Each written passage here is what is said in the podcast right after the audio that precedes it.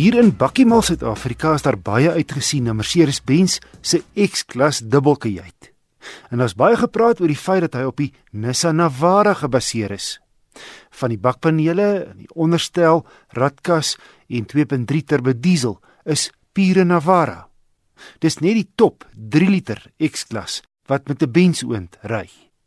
Die Nissan gene is glad nie 'n slegte ding nie, maar die vraag is, druk Mercedes sy eie stempel genoeg af?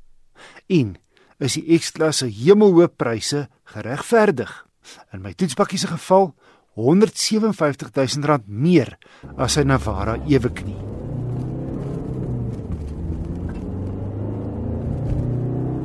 Mercedes het sy goedkoopste X-klas, die 220D 6-spoed handrat met agterwielaandrywing vir evaluering gegee. Verfrissend, gegee die feit dat vervaardigers gewoonlik al beste voetjie voorsit met hul duurste modelle. Dikwels ook gelaai met duur opsies. Die X-klasse voorkant trek sterk op Mercedes se sportnutse. 'n Heel elegante, maar terselfdertyd nogal aggressiewe neusgedeelte. En hoe dan nou anders 'n groot 3-punt ster in die sierrooster voor. 'n Ster pryk ook op die stert met twee nogal minimalistiese agterligte.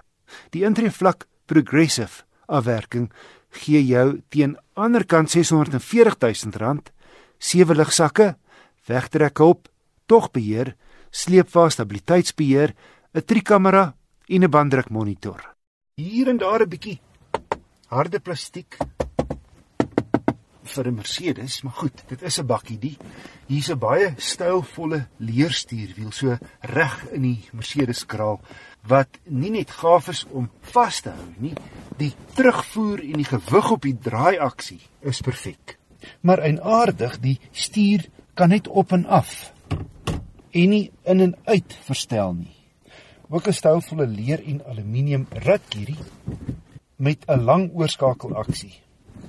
Wat nie op sigself eh, sleg is nie, maar my hand het soms met die aksie na tweede en vierde toe by die raakskerm se kontrole kennis gemaak.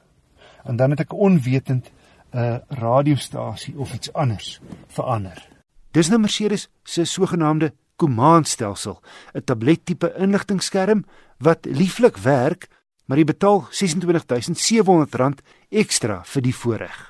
'n Negatiewe is dat die middelkonsole min bæreplek vir losartikels het.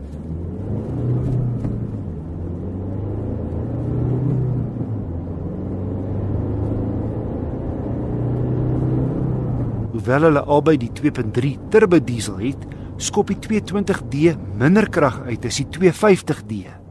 120 teenoor 140 kW en 403 teenoor 450 Nm wrinkrag. Eienaardig, die Navara is net te kry met die hoër kraglewering selfs met sy goedkoopste model. Mercedes gebruik heelwat klankdemping materiaal om geraasvlakke laag te hou wat die Mercedes effens swaarder maak as sy Nissan neef.